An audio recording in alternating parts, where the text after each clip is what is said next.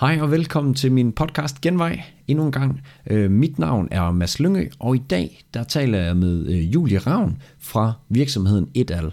Og vi taler omkring, hvordan at øh, deres virksomhed er rigtig god til at udnytte en øh, talentkultur, altså at tage nye talenter med ind. Og vi går lidt i dybden med, hvilken proces de har, og hvad deres processer er lige præcis for at få de her talenter til at lykkes hvilket jeg synes er super, super spændende at tale om. Så hvis du er en virksomhed, der går og overvejer at øh, tage nye talenter ind, men ikke helt ved lige præcis, hvordan du skal gøre det, så er den her episode bestemt til dig. Og til sidst i episoden, så runder vi også lige noget omkring UX design og hvordan deres tilgang er til lige præcis det her emne. Så jeg vil ikke tage mere af din tid. Lad os bare hoppe ind i episoden.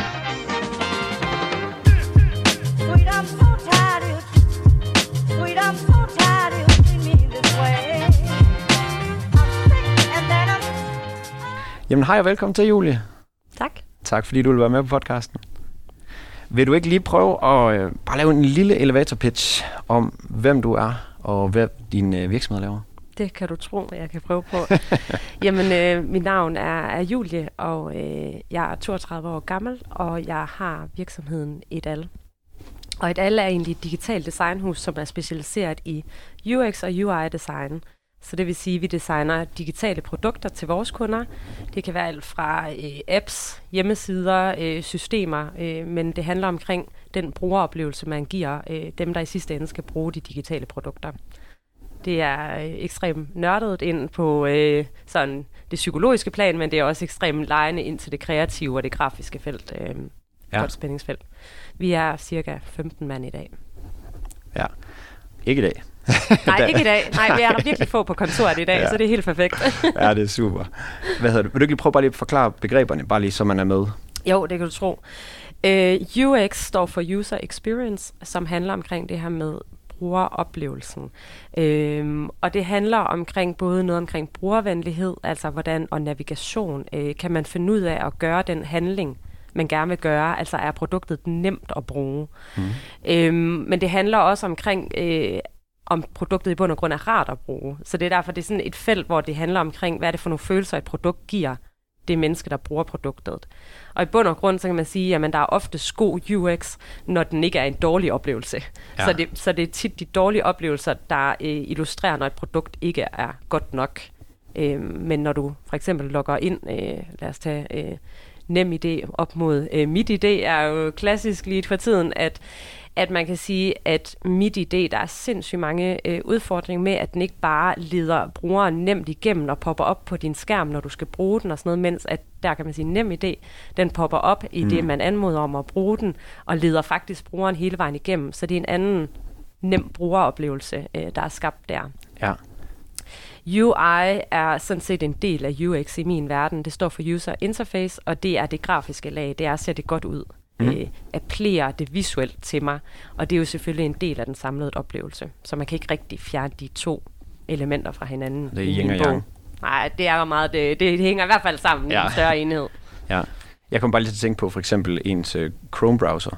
Ja. At den er, det har irriteret mig utroligt i starten, men nu kan jeg godt se hvorfor. Når man skal op i øh, browserfeltet, det var jo toppen af telefonen før, men nu er det jo lige ved tommelen. Mm. Sådan. Altså det er, jo, det er jo sådan et eksempel på, ja. øh, på UX, ikke? Det er et eksempel på, at man i hvert fald prøver at optimere øh, sådan hastigheden i, i folks øh, måde at interagere med produktet på. Ja. De har bare ikke lige tænkt over, at man skal lede efter den først. Nej, man skal bare lige fatte, at der er sket en ændring. Ja, ja, fuldstændig. Fedt. Og øh, hvilke type kunder har I sådan typisk? Jamen, øh, vi har egentlig øh, et godt spænd af kunder. Vi arbejder med alt fra, fra Hungry, øh, Loyal, WHO, altså store internationale virksomheder, mm. øh, ind til den lille iværksætter, som man ikke har hørt om endnu, eller måske lige har hørt om i, i aviserne. Øhm, og det gør vi meget med vilje, fordi at vi mener, at det vi lærer ved den lille iværksætter, hvor vi tænker innovativt og tænker helt nye forretningskoncepter og digitale veje, det kan vi tage med op til de lidt mere store corporate virksomheder, mens at strukturen og øhm, øh, hvad det kræver at bygge store, tunge systemer og produkter op hos corporate, det kan vi tage med led til de små virksomheder. Mm. Så der er ligesom, vi breder os egentlig øh, godt omkring Ja. i det felt. Så I har ikke fulgt den her sådan klassiske. Vælg en, en lille niche, bliv der. Men jeg har virkelig haft mange rådgivere, der har sagt til mig, læg jer nu fast på et segment, og at I skal være stærke kun inden for landbrug, eller hvad det er. Ja. Men det vi har fundet ud af med tiden, det er bare, at det begrænser os mere, end det gavner os. Øhm, det handler om vores metoder og den måde, vi går til verden på, øh, i det måde, vi arbejder på. Så den, det kan man bruge inden for alle brancher. ja. Det handler ikke kun om landbruget eller om medicinalindustrien. Det handler om den måde, mennesker agerer på. ja. Så I kan tage det, hvad kan man sige, learnings fra de forskellige steder og flytte hen. Fuldkommen. Ja. Jo, og der er nogle interessante findings, øh, når vi undersøger øh, nogle forskellige segmenter, som egentlig også går på tværs af segmenter, som der handler mere omkring menneskers måde at interagere med produkter på, end det handler omkring, om man lige er inden for det ene eller det andet. Mm. Øhm, så, så der er ingen grund til at lukke sig fast på et segment. Nej. Og øhm, bare lige i forhold til navn, nu sagde du, det var et begreb. Hvad, hvad er det sådan helt præcis, det står for? Jamen, øhm, og det er jo en del af historien også selvfølgelig, Ja. at øhm, et al står for og andre. Det er sådan et akademisk udtryk, så når der er flere medforfattere på en artikel, så siger man Nielsen et al. Øhm, tanken er både det, at vi er medforfatterne, så vores kunder er altid hovedforfatteren, og så er vi dem, der får det lidt til at ske. Mm. Øh, man ved godt, at alle dem, det er alle medforfatterne, der nok har lavet det største bidrag nogle gange, men det er også der får det til at ske bag facaden. Samtidig er det sådan, at et alle er bygget op af en masse unge talenter. Vi ansætter øh, rigtig mange studerende øh, fra diverse designuddannelser til at sidde og eksekvere på vores projekter sammen med nogle seniordesignere. Ja. Og det er jo lige præcis noget af det der, som vi skal tale om i dag, Lige i forhold præcis. til øh, det her med at tage talenter ind tidligt i processen. Øh, inden det, der vil jeg bare lige høre sådan, hvordan er du endt her, hvor du er som sådan, nu, nu står der på hjemmesiden høvding af et al, og det skal vi måske også lige have et lille forklaring på, hvorfor. Ja, øhm, historien med et al er, at jeg i bund og grund bliver selv færdig som bachelor på Aarhus Universitet øh, som digital designer. Jeg øh, havde måske for meget selvtillid, det ved jeg ikke, men, men jeg synes selv, jeg var en ret dygtig designer på det tidspunkt. Øhm, og tænkte, at jeg faktisk ikke havde lyst til at læse videre og bare skulle ud og arbejde. Og det, der skete, det var så, at jeg rammer et jobmarked. Øh, på det tidspunkt var der ikke nogen, der vidste, hvad UX var. Øh, design thinking og alt, hvad der egentlig er fede begreber i dag, og som er sådan lidt sådan en, uh, det skal vi have. Ja. Det var der ikke nogen, der vidste, hvad var. Så det var mega svært øhm, at få hul igennem. Og alle de steder, jeg fik lidt hul igennem, så var det også bare, jamen du har ikke noget erfaring, så du kan ikke få et job. Det frustrerede mig ret meget, når jeg nu havde brugt så lang tid på at specialisere mig øh, inden for et felt. Mm. Øhm, og det var egentlig kickstartet i det der arbejdsløshed, øh, hvor jeg gik og blev mere og mere frustreret til at tænke, det, det, må, det må vi skulle da kunne ændre på en eller anden måde. Altså, vi må kunne sørge for, at man kan få erfaring, mens man studerer, og samtidig også kan komme ud og få det der drømmejob efterfølgende. Mm. Øhm, jeg så bare et potentiale i de her unge mennesker, og nok i mig selv i bund og grund, at man kan altså mere, end arbejdsmarkedet måske går og tror, man kan. Og det var faktisk kickstartet til, øh, at jeg startede lidt alle, øh, for at få, få den her barriere fjernet. Ja. Føler du, at man rammer ned i sådan en, altså man bliver sat i en kasse, når man, øh, når man så kommer ud fra studiet af? Så nu er du den her, der, der kan det her i gåseøjne, altså, Ja, ja no, nogle gange, altså jeg tror, der er sket meget de sidste par år i hvert fald øh, omkring, hvordan man ser på unge mennesker, øh, og, og at de virkelig er en ressource på en anden måde i dag, end det måske var for 10 år siden. ja. Øhm, men, men jeg tror også stadig, at man rammer ind i som nyuddannet, at man måske har svært ved selv at beskrive, hvad man kan, og virksomhederne har måske også rigtig svært ved at beskrive, hvad de har behov for. Så der er sådan et, et, det kan bare være mega svært at finde vejen til det der første gode job, fordi man måske ikke har prøvet sig selv af, men man har heller ikke, man aner så heller ikke, hvad man skal søge efter, og virksomhederne aner egentlig heller ikke, hvad de forskellige uddannelser kan. Mm. Så det bliver sådan lidt en underlig mudderpøl øh, i den der overgangsperiode. Ja, så der er et eller andet sted et mismatch mellem arbejdsgiver og arbejdstager, og man kan ikke sådan helt, man snakker ikke samme sprog, man ved egentlig ikke, hvad de er, de, den anden part forventer. Eller Nej, sådan. lige præcis. Ja. Altså, det bliver lidt. Okay. Og høvding, altså hvis vi vender tilbage til det, Ja. ja. det, var, det skete for nogle år siden, der sad jeg og tænkte, åh, det er det der med at starte egen virksomhed, jo mere iværksætteri der kommer og sådan noget. Alle hedder CEO og har fancy, vilde øh, amerikanske titler. Ja. Og jeg, jeg tror bare, jeg tænkte, der må da være noget federe at hedde. Altså, det kan ikke passe, at, at det her er det, er det vildeste. Administrerende direktør er det vildeste, man kan hedde. Og så begyndte jeg at google, og så var det bare sådan noget kreativ direktør, og hvad der ellers kom op. Og så tilfældigvis, så øh, stod jeg på en artikel omkring, jeg mener, det var en afrikansk øh, lille stamme, hvor kvinderne havde gjort oprør mod øh, den lokale øh, høvding, Mm. øhm, fordi at den næste i rækken sådan set var en kvinde, men det var ikke tradition, at kvinder kunne blive høvding, fordi sådan helt, når man kigger tilbage, så er en høvding ikke en kvinde. Ja. Og så tænkte jeg, høvding, det vil jeg da egentlig gerne være.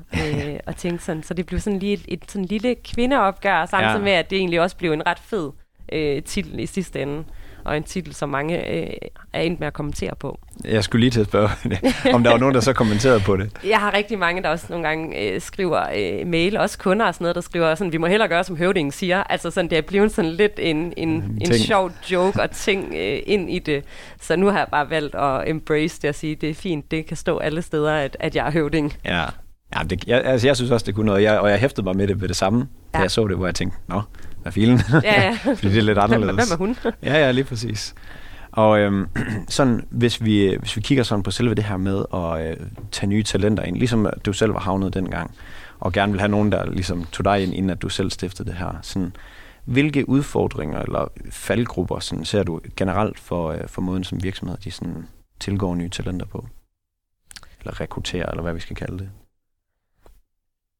Ja, det er, godt, det er et rigtig godt spørgsmål, fordi altså, i bund og grund, så er den største faldgruppe er jo nok, at folk ikke tør at lave satset øh, på at, at tage, tage nye folk ind, at, at man synes, man gerne vil have nogen med erfaring, fordi at man tænker, det er mere sikkert, at man finder det rigtige match der.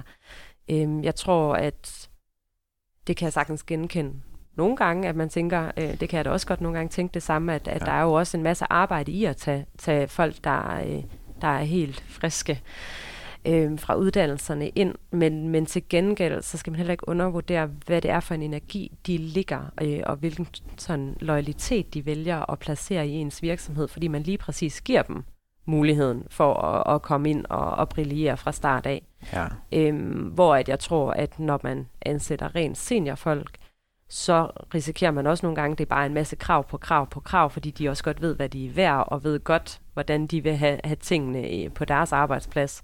Mm. Så der tror jeg, at det er svært at forme øh, nogen med mange års erfaring, mens at man har mulighed for faktisk at forme dem ind i nogle roller, man gerne vil, når man tager dem øh, lidt mere unge ja.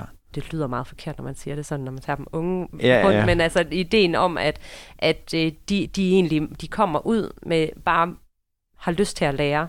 Mm. Altså fordi nu har de gået de her mange år, og er bare klar til at ramme et arbejdsmarked. Så de har bare en anden energi. Ja. Jeg forestiller mig også, uden at jeg, jeg ved det, men hvis man får en, en senior ind, at de så måske også altså sådan, holder det, man gør som virksomhed, op mod den tidligere virksomhed, og er det sådan her? På og, godt og ondt. Ja, ja, jamen lige præcis, og mm. det her plejer vi at gøre, hvorfor gør vi ikke det? Ja. Altså, har du oplevet noget af det, sådan, hvor... Ja, Jamen ingen tvivl om, at øh, hvad kan man sige, mm, jeg har, jeg har selvfølgelig også nogle senior, som har været andre steder, øh, og lige præcis der, så, så kan de sammenligne op mod, øh, heldigvis har jeg kun oplevet det til, til min fordel, øh, så jeg har ikke oplevet den dårlige side af det endnu, men kan til gengæld jo godt høre, hvordan det også øh, opleves dårligt, når man så hører omkring, hvordan andre virksomheder øh, håndterer deres medarbejdere, eller håndterer konflikter på en arbejdsplads og sådan noget. ja.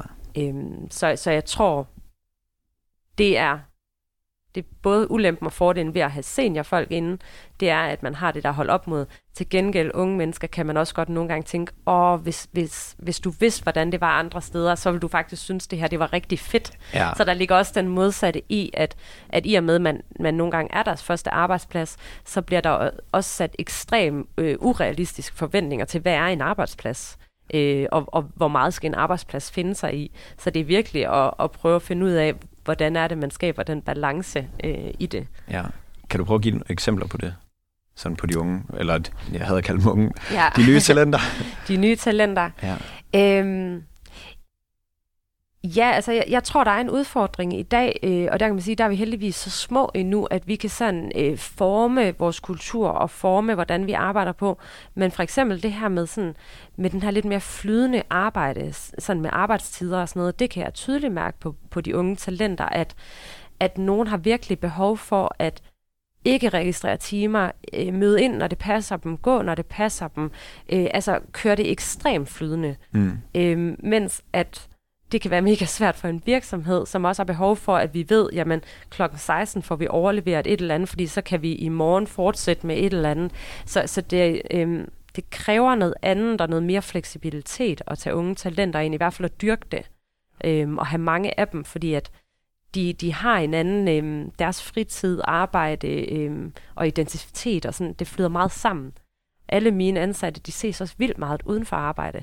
Altså sådan det der med, at de går i byen sammen, de øh, tager til quiz sammen, de, de laver alt muligt. Og det er jo også på godt og ondt, fordi på en eller anden måde, så, så, så er arbejdet jo også med hjemme hele tiden. Ja. Så det kan også være, altså sådan, så den der balance der, øh, tror jeg er lidt mere flydende hos øh, de unge talenter end det måske er, jo ældre man bliver, når man får familie og sådan noget, så har man behov for, nu er klokken altså fire, nu skal jeg altså hente, og jeg skal hjem, og altså sådan, mm. så der sker noget andet, jo yngre folk er. Ja, og man kan sige, at måske er det også lidt studielivet, man har taget med over til arbejdspladsen, fordi ja. Det er jo sådan, det fungerer. Nogle dage sover vi længe, nogle dage sidder man op længe, fordi man har en eller anden ting, man skal aflevere. Eller, Fuldkommen. ja. Og der er nogen, der knækker på det. Altså, der er nogen, der får så meget det chok over, øh, hvordan det er at have et voksen arbejde, Mm. øh, fordi man kommer fra den der. Så der ligger også en kæmpe... En ting er at lære dem op fagligt, men der ligger også en kæmpe onboarding-proces øh, for os i bare at lære, lære dem op, når de går i en fuldtidsstilling. Fordi en ting er at have været i studiejob hos os og ved, hvordan vi håndterer kunder og, og sådan alt det der, men noget andet er faktisk at, og i princippet at arbejde 37 timer om ugen. Fordi det betyder lige pludselig, jamen du kan ikke træne måske også fem gange om ugen, du kan ikke ses med dine venner, ja, det har du simpelthen ikke energi til. Øhm, så der ligger virkelig nogle, nogle forskellige processer, man går ind i, når man tager unge talenter. Og det skal man committe sig til, og hvis man ikke committer sig til det, jamen så er det sindssygt svært øh, at lykkes med at, at have den her talentkultur. Ja. Og har I nogle sådan, øh, jeg ved ikke, specielle tiltag, eller sådan, hvordan, hvordan gør I det her for sådan at lykkes med det? Fordi det er jo meget anderledes, end man bare siger, det er 9 til 5 eller 8 til 4, og så er det bare... Ja, det er, det er virkelig noget, vi arbejder på hele tiden. Altså, jeg prøver som, som leder og som chef, så prøver jeg at lukke øjnene.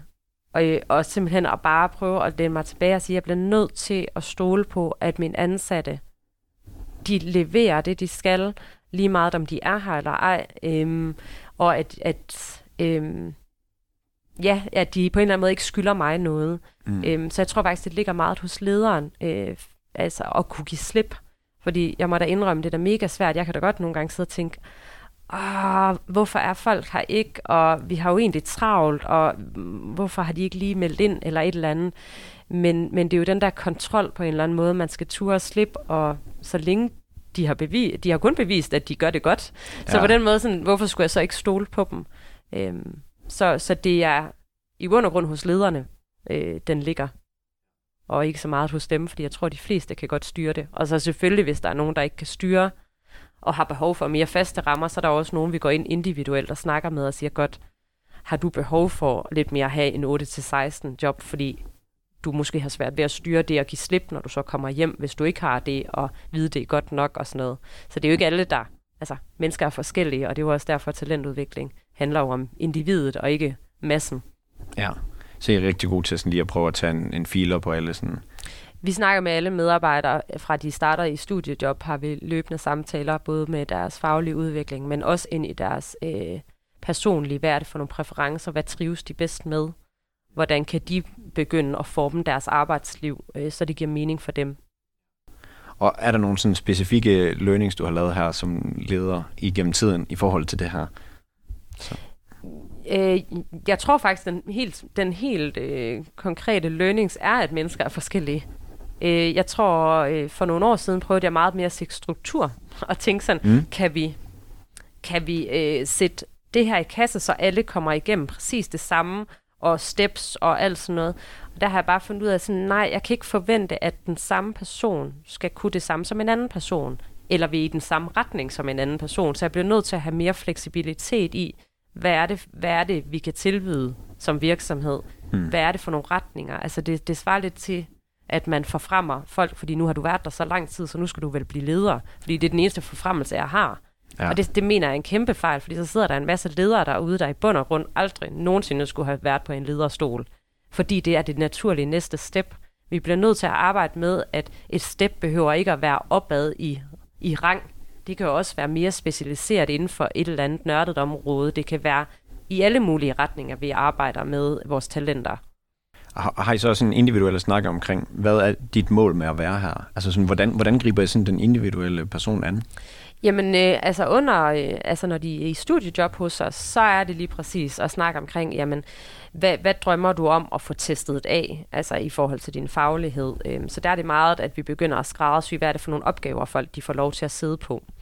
Øhm, hvordan vil de gerne have mere og mere ansvar? Kunne de godt tænke sig at prøve projektledelse af? Altså sådan, hvad for en retning er det? Øhm, så evaluerer vi med dem, om det gik godt, og om de kunne mærke, om der var noget fedt ved det.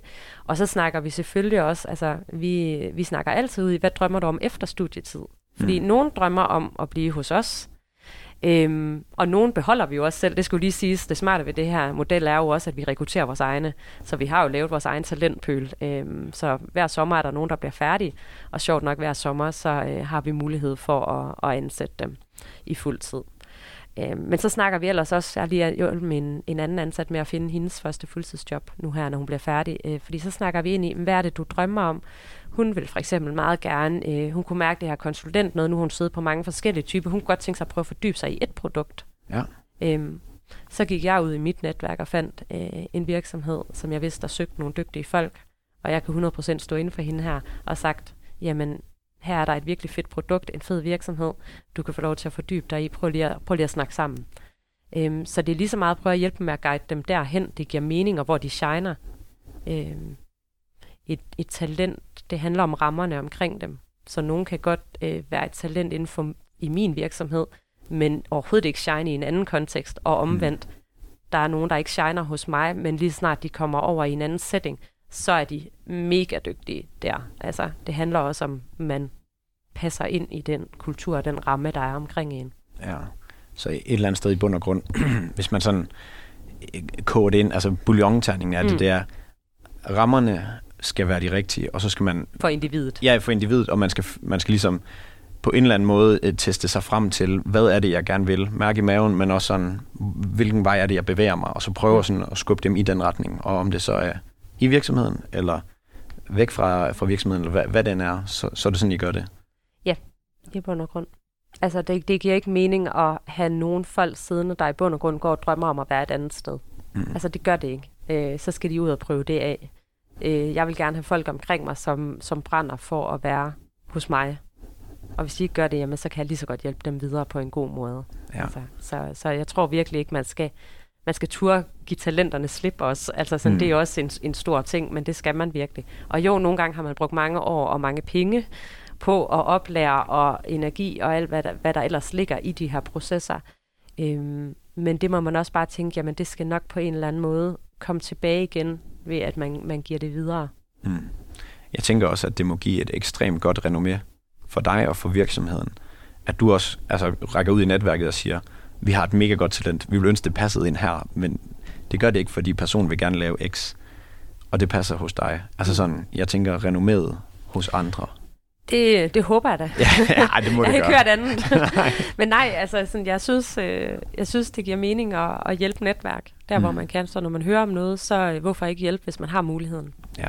Jeg tænker også bare i forhold til det, du sagde med, at, at det er svært, fordi at, at man har brugt penge og tid på det. Mm. Men måske så betaler det, altså lad os bare sige over 10-20 år, at så betaler det sig, fordi at hvis ens netværk begynder at gøre det samme, Ja. jamen så er det jo bare en fed udveksling mellem hinanden. 100 procent, om jeg tror så meget på karma, det skal nok komme tilbage på en eller anden, i, på et større plan, på et eller andet tidspunkt, at man, man opfører sig ordentligt. I bund og grund er det jo bare at, at hjælpe og opføre sig ordentligt. Ja, jamen jeg, jeg deler den, øh, den tanke der.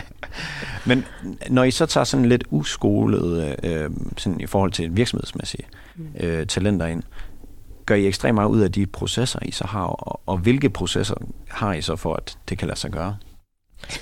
Jamen, altså vi har, øhm, vi har lidt forskellige steder. Altså så når det er en studerende, vi tager ind, så har vi selvfølgelig en rekrutteringsproces, mm. hvor vi arbejder med altid at lave en case og teste øh, de her personer, fordi lige meget hvad, så leverer vi jo også til vores kunder, og vi skal levere øh, til et højt niveau, øh, fordi vores, vores historie er også, at det, har ikke noget, det er ikke et lavere niveau, bare fordi vi har studerende indover. Vi leverer faktisk til, til det samme høje niveau.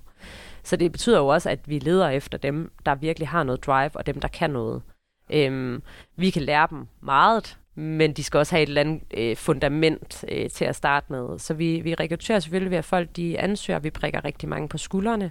Når vi har nogle studerende inde, så kender de jo nogle årgange under og nogle årgange under. Mm. Så der ligger også rigtig meget, der hedder, vi håndplukker folk, øh, som vi har hørt godt om. Ja.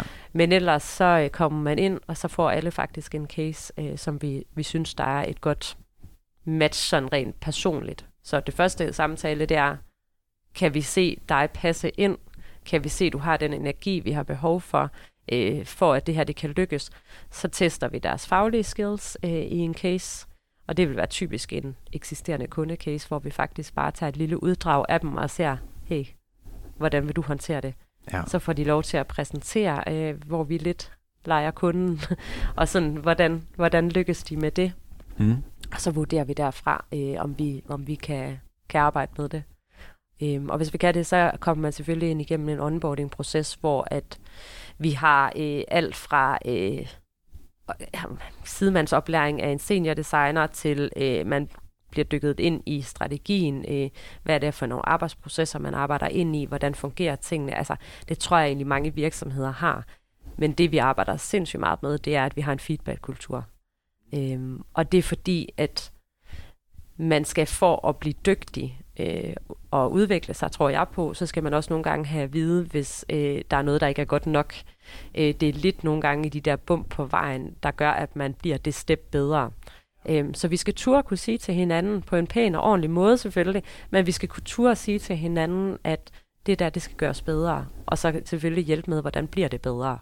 Øhm, så, så feedback-kultur er klart en af de ting, hvor jeg tror, at folk de sådan udvikler sig hurtigst. Ja. Og bare lige sådan, hvordan, hvordan dyrker I den feedback-kultur? Fordi jeg tænker også, at man er også nogle gange som virksomhed nødt til at sætte nogle rammer for, at sådan her gør vi. Jeg afbryder lynhurtigt her for lige at høre dig omkring, om du kunne tænke dig at connecte med mig på LinkedIn.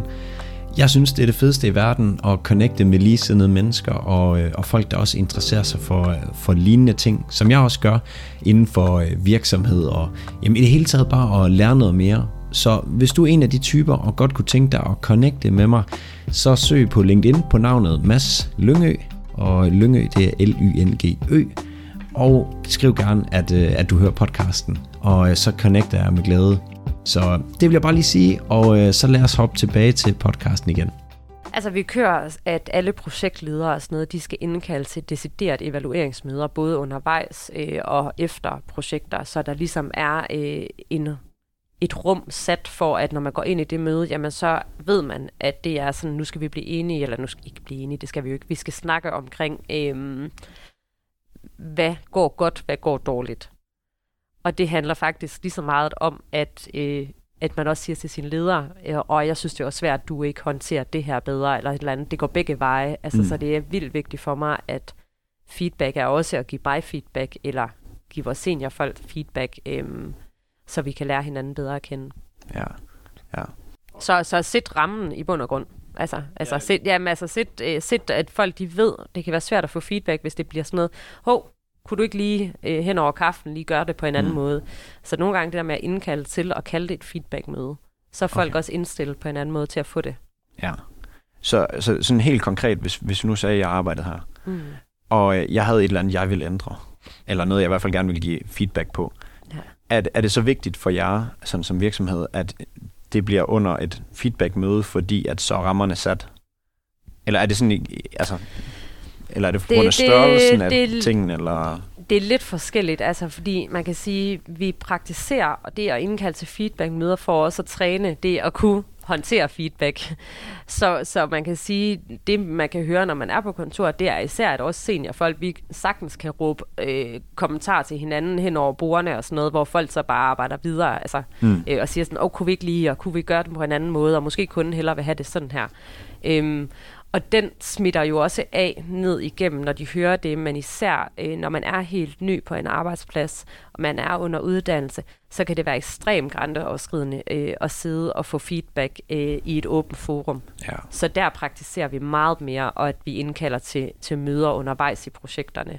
Så, så det er faktisk lidt an på igen, det er jo individet, øh, hvor er man på den rejse, øh, og jo længere tid man har været her, jo mere indgår man i den der øh, feedback, der ligger på tværs af, af, af ja, af, af hinanden. Ja. Og jeg tænker også, at når, når du siger det der med, at I seniorfolk, I kan godt lide sådan, altså, at man godt kan høre det. Jeg tænker også, det må, jeg ser det jo sådan lidt ligesom sådan, du ved, hvis det regner på, på hvad man siger, det regner på præsten, så drypper det på dejen, eller sådan, det er lidt det samme sådan, hvis, hvis kulturen er så specifik i toppen mm. hos jer, altså Ja. seniorfolk, at så indretter man sig nok også som, som ny Det er i hvert fald talent. det, der er tanken, at, at man vender sig til, at det ikke behøver at være negativt at få feedback. Altså det at få en kommentar om, om man kunne gøre noget anderledes, er ikke øh, fordi, at nogen er ude efter at sige, at man er dårlig. Det handler om, at man ser en mulighed for, at noget kan blive bedre. Øhm, så det skulle gerne smitte af øh, på sigt ned igennem, at, øh, at de vender sig til, at de også gerne vil sige noget. Mm. Og er der, er der nogle specifikke karaktertræk, I øh, sådan kigger på, når I skal have nye ind? Jeg kigger sindssygt meget på deres drive for at være ved os. Øhm, Ja. jeg, jeg har, jeg tror faktisk, de bedste ansatte, der nogensinde har gjort, det er folk, jeg har været lidt i tvivl om fagligheden på, men fordi de bare har brændt, altså de har vidderligt bare været sådan, altså min plan er, at jeg skal arbejde her, og hvis jeg ikke gør det, jamen, så er jeg faktisk ikke sikker på, at jeg skal studere videre, og sådan, altså nogen, der virkelig sådan har sådan sat sig for mål, de skal være her. Det er dem, der også har været mine største stjerner. Altså sådan, de har virkelig blomstret. Øh, så jeg kigger vildt meget på drivet, øh, og hvorfor de gerne vil være hos os. Mm. Øhm, så det betyder, og det, det lyder, men det er fordi, jeg tænker, jeg kan lære dem noget, jeg kan, vi kan lære dem det faglige. Ja. Vi skal nok træne dem op i at kunne deres programmer, begynde at se nogle mønstre i den måde, vi gør tingene på, og sådan noget. Der er nogle andre ting, hvor vi, det kan vi lære dem. Men jeg kan ikke lære dem at have gnisten Nej. for deres arbejde. Altså, Ja, jamen, det giver god mening. Og der er vel også, altså sådan nu har jeg bare sådan igennem sport, nu har jeg spillet en del fodbold. Ja. Øh, og der kan man også se, at der er en, altså talentkurven er meget forskellig. Ja. Øhm, sådan, så hvornår man rykker, så det giver jo et eller andet sted også god mening, at hvis du bare sørger for, at de har lyst til at rykke sig, altså de er nogen, der har lyst til at rykke sig fremad, Ja. øh, så skal de nok rykke sig fremad. Ja, præcis. Og så skal de nok finde der, hvor de rammer momentum. Men, men, men helt enig, og det er jo lige præcis, altså, øhm, ja, man kan bare, man kan træne sig til meget, men, men man kan ikke træne sig til at have viljestyrken til at træne. Altså sådan, det, det handler om at have motivationen til at gide at træne det, øh, og nørde det for at blive den bedste. Ja, det giver virkelig god mening. Og hvad gør I som virksomhed for at gøre jer attraktive over for, øh, for de nye talenter? For det er jo også Ja. en, en disciplin i sig selv, tænker jeg. Sindssygt meget, og jeg må, jeg må ærligt indrømme, at vi gør simpelthen ikke nok. Øhm, vi har levet højt på, tror jeg, nogle år, at, øh, at vi bare får ansøgninger, og det der med, at vi, kan, at vi får, får nogle andre af vores ansatte til at prikke nogen på skulderen, og altså, der ligesom er et godt flow der. Øhm, tidligere har vi virkelig stået meget på diverse øh, uddannelsesmesser og, og sådan noget. Øhm, og ja, det er sådan noget, hvor vi overvejer, skal vi gøre det igen? Jeg har faktisk svært ved at vurdere, om det giver det rigtige. Øhm, Ja. Vi prøver at, at, at, at have et godt omdømme. Vi har nogle forelæsere, der også øh, nogle gange nævner os øh, som et godt sted at arbejde. Det hjælper selvfølgelig også øh, i de rigtige forums. Øh, vi plejer at deltage lidt mere i sådan, øh, nu har vi en anden forelæser ude på Erhvervsakademiet, øh, som, som spørger, om vores øh, UX-designer ikke vil stå til rådighed til en spørgetime over for de nyuddannede, eller dem, der skal, er i gang med en uddannelse. Mm. Og det er også noget, der giver, fordi så får vi jo både få lov til at fortælle omkring et alle, men vi får også lov til egentlig at have en one-on-one med nogle mennesker. Øhm, så sige ja til, vi er mega gode til altid at sige ja, hvis folk de spørger om, om vi deltager i noget skolearbejde øh, arbejde eller et eller andet, så stiller vi op til et interview. Ja. Øhm, så det der med at prøve sådan lidt mere den direkte en-til-en vej nogle gange, Mhm. øhm, som forhåbentlig spreder sig. ja. Men, men, men igen, den er faktisk lidt i tvivl om, hvor meget man skal gøre. Der er helt sikkert nogen, der får rigtig meget ud af at stå på de messer. Øhm, jeg synes, den er svær at vurdere, hvor meget vi tidligere har fået ud af det. I et drømmescenarie, hvad tænker du, der kunne være fedt for jer at gøre? I et drømmescenarie, så... Hvor penge og tid ikke er noget. Vi skubber det lidt til side. Ja, vi skubber tid og alt sådan noget til side. Så i et drømmescenarie arbejder vi hen mod, øhm, at vi rigtig gerne vil lave noget, noget case competition, eller simpelthen få nogle folk ind, der har lyst til at teste dem selv af i et eller andet hackathon, eller hvor vi har dannet nogle fede rammer, øh, lavet nogle fede cases, og så har vi både øh, sparrings, men vi har også, at vi faktisk skal se en til en, øh, hvad kan de? Øh, det vil være en fed rekrutteringsproces, øh, men kræver selvfølgelig også, at vi lægger tid og penge i det. Ja. Er det ikke noget af det, som Bayerholm de gør? Jeg tror, der er rigtig mange, der faktisk gør det øh, af, af, inden for nogle forskellige. Jeg ved også, at øh, sådan nogle som Hillebrand og Brandi øh, gør det nede på Handelshøjskolen i forhold til case competition. Mm. Øhm, så der er flere huse, der gør det. Jeg har ikke set endnu, der er så mange designhuse, der gør det. Men øhm, det kræver noget tid. Ja, ja, ja, men det er helt sikkert. Og det, det er jo hele tiden en afvejning af, om, øh, om det kan give mening. Det er jo det. Men hvis vi skyder tid og penge til side, så giver det god mening. Det tænker jeg. Altså, det vil i hvert fald være fedt, fordi man vil, dem, der deltager i sådan en case competition, de er allerede de kan jo allerede se, at der er noget nørdethed. De, de brænder allerede for deres felt, fordi de vil bruge det ekstra tid på det. Øh, og vi får muligheden for at se, hvad de kan, og profilere også en lille smule også. Ja. Så ja, det, det vil være en god kombi. det glæder vi os til. ja. Øhm, jeg tænker også, at vi skulle lige prøve at berøre det her med øh, UX design. Fordi det er jo meget af det, obviously, det som I laver, og det synes jeg næsten, nu når jeg var havnet hernede, at det, jeg bliver nødt til at spørge til det. Yes. Og jeg gad godt at vide sådan, også for min egen regning skyld, sådan, hvad er vigtigt, altså sådan i forhold til, når man beskæftiger sig med UX? Hvordan tænker man en god proces? Jamen altså, øhm, jeg tror, noget af det, som der er mest frustrerende øh, ved UX, det er, at øh, folk, eller folk, nu, der er nogle kunder, som har, har øh, gerne vil have det, men ikke rigtig forstår, at øh, det står for user experience, så det betyder, at der er altså en bruger, øh, vi skal have med at gøre, og Ja. det betyder, at vi skal involvere brugeren i den proces, vi designer, fordi vi kan ikke sidde og antage, hvad en bruger synes, fordi vi kan aldrig selv være brugerne på et produkt, og det kan kunden sådan set heller ikke. Jeg har nogle gange nogle kunder, der siger, prøv at jeg er selv målgruppen, så det skal jeg nok kunne svare på. Og det er sådan, nej, du Yeah, er, no. du er på ingen måde målgruppen. Øhm, og der kan man sige, øhm, det er faktisk et af de vigtigste dele i user experience, det er, at du laver, øh, du får involveret brugerne på den ene eller anden måde, og hellere lidt brugerinvolvering end ingen brugerinvolvering. Øhm, og det er noget af det, vi prøver at notche alle vores kunder i retningen af, at kan vi bare få lidt ind, så er det altså bedre, øh, så vi mere validerer det design, vi har lavet, end hvis vi overhovedet ikke havde brugerne med indover. Øhm, så processen er jo typisk, en drømmeproces er jo, at vi har både brugerundersøgelser først, forstår, øh, undersøger, hvad for nogle udfordringer, hvordan deres hverdag hænger sammen ind for det område, vi skal lave noget på. Øh, vi begynder at konceptudvikle, kan eventuelt tage brugerne med ind i den fase også, øh, og afprøve nogle, nogle idéer og tanker. Øhm, og først når vi begynder at have spurgt os ind på et koncept, så kan vi begynde at designe. Når vi har designet, kan vi lave en prototype, som vi godt kan teste af og på brugerne igen. Og når vi har testet dem af øhm, et par gange og fundet ud af at rette der, hvor det skal rettes, jamen først derefter sender vi det faktisk til udvikling. Så det er jo en proces, der på en eller anden måde, det er en kreativ proces, som der kan tage nogle spring og noget skridt frem og tilbage nogle gange.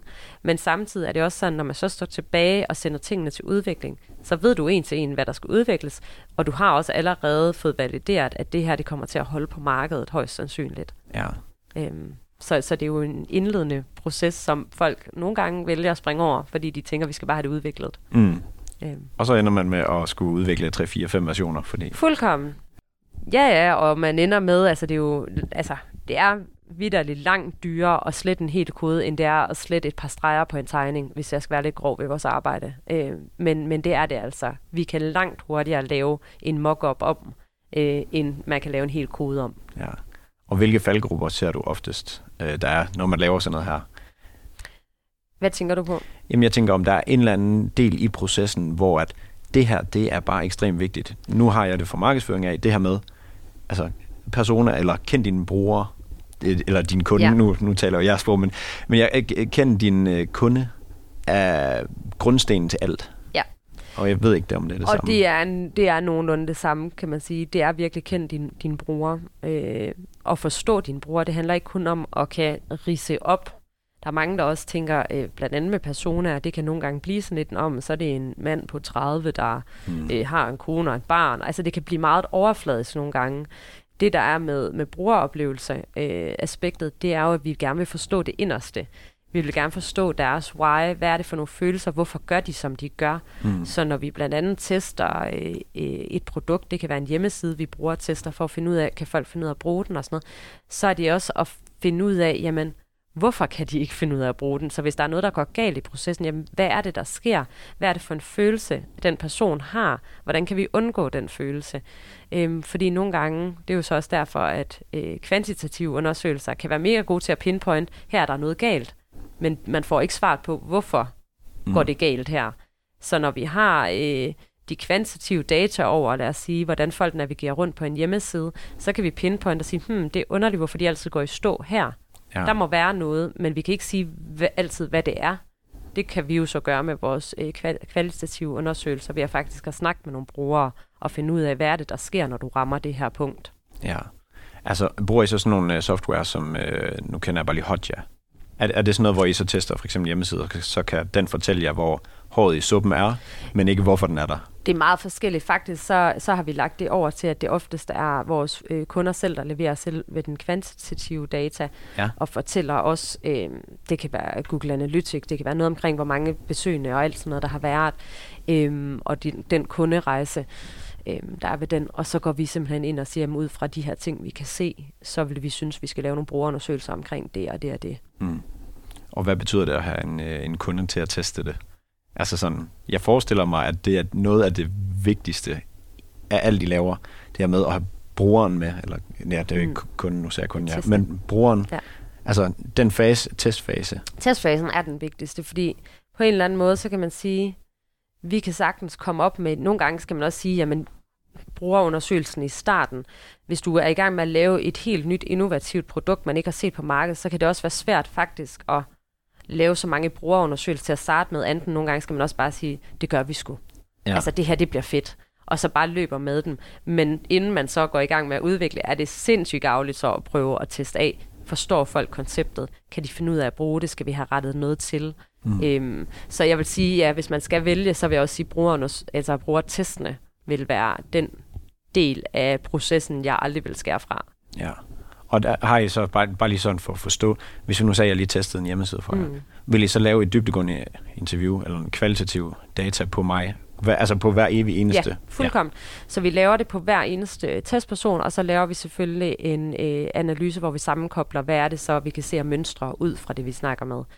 Det er ikke... Øh, typisk vil vi ikke overlevere øh, alle mellemregningerne til øh, kunden. Der vil vi jo overlevere det samlede resultat i forhold til, hvad, hvad siger den overordnede test, vi jo så har lavet. Hvad for nogle mønstre kan vi se? Hvor kan vi se, der er udfordringer? Hvorfor? øh, der vil vi typisk ikke have ned på hver enkelt person. Det Nej. giver, ikke, det giver ikke mening. Man skal ikke lytte til hver enkelt, man skal jo lytte til, hvad er den generelle øh, stemning, som vi kan se.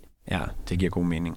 Og hvis vi bare lige sådan for sjov lige uh, tager det op i helikopteren, øh, hvordan er tidsfordelingen af de forskellige processer? Eller sådan uh, procent, al- altså bruger man sådan rigtig meget tid på brugerne og, og, og den rejse?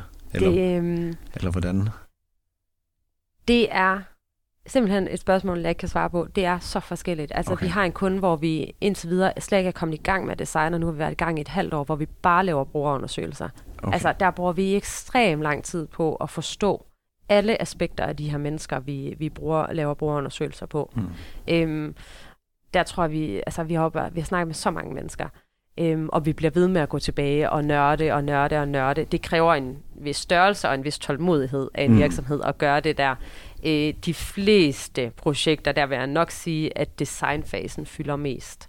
Det er simpelthen at komme frem til det gode koncept og begynde at lave øh, øh, hvad hedder det, grafiske mockups øh, af slutproduktet. Ja. Øhm, fordi man kan sige, når vi kører en test, når vi først er klar til det, så ligger der en ret fast procedure for, hvordan vi kører test og sådan noget, og dem kan vi fyre af sådan forholdsvis hurtigt, øhm, for at få de indsigter, vi skal have. ja. Hvad er det kedeligste ved at lave UX? Ah, ja, det er jo et godt spørgsmål. Jeg sidder jo heldigvis ikke så meget med det mere, altså, det må du jo... ja, lige rende op på kontoret. ja, det må du lige høre øh, alle de andre om. Ja. Ej, jeg tror... Øhm, hmm, jeg tror, det kedeligste kan godt være, at det nogle gange går lidt langsomt. Så hvis man allerede... Øh, altså, det, det er svært at holde sig blandt andet øh, der, hvor vi jo bare bruger tester, og, eller brugerundersøger og brugerundersøger, øhm, hvor man synes, nu har vi et godt billede, altså at blive ved med at holde sig i en fase, hvor man ikke allerede kommer over i løsningsforslag. Altså, fordi man vil jo gerne tit omsætte den viden, man har fået Ja. til løsninger. Så jeg tror virkelig, den der, at, at der ligger der noget, der kan blive sådan ret, ret kedeligt at blive ved med at dykke ned i et felt, hvis man synes, man har været der nok. Ja. Øh, så det er sådan... Og så er der jo nogen, der vil synes, det var det mest fantastiske guf at få lov til at Ja. dykke længere og længere ned. Øh, der tror jeg personligt, at jeg nok øh, mere typen, der gerne, øh, der allerede synes, jeg ved, hvad løsningen skal være, øh, så snart vi går i gang nærmest. Ja. Ja, Jeg kunne høre på, hvis jeg var blevet placeret i den proces der, så ville jeg i hvert fald det der med, øh, og i den sådan iterative proces i at finde ud af alle dataen, der tror jeg virkelig, jeg vil, øh, jeg ikke sige snuble, men jeg vil nok blive en lille smule utålmodig øh, Ja. i forhold til det. Og så tror jeg, at der er mange af vores designere, og det er jo også det, der er. Det er jo også nogle gange, der, øh, der bukker vi jo også under for en proces, hvor en kunde kommer med nogle inputs og nogle holdninger, som vi i sidste ende må blive nødt til at sige, godt, jamen hvis I vil have det sådan, så får I det sådan. Mm. Og det er jo noget af det, der er det mest stræben. Det er jo, hvis det går mod ens faglighed, at man så sidder og laver noget, som man tænker, det her, det kunne have været 10 gange bedre, hvis de faktisk bare havde lyttet til, hvad vi sagde, men nu bliver vi nødt til at gøre det sådan her. Altså det, er, det tror jeg næsten alle, der arbejder i konsulentverdenen eller i, i, med, med kunder på den måde, Ja. de vil synes, at det mest drænende øh, ved deres arbejde, det er, når, når, når der er nogen, der går ind og overruler øh, det rigtige i bund og grund. Ja. Har I sådan en, øh, jeg vil sige, en, en tilgang til det, eller sådan, prøver I at, imødekomme det hos kunden ved at sige, altså hvis vi går ind i den her proces, s- så er det altså meget, meget vigtigt, at I også prøver nogle gange at lægge jeres personlige holdning på hylden, og så lytte.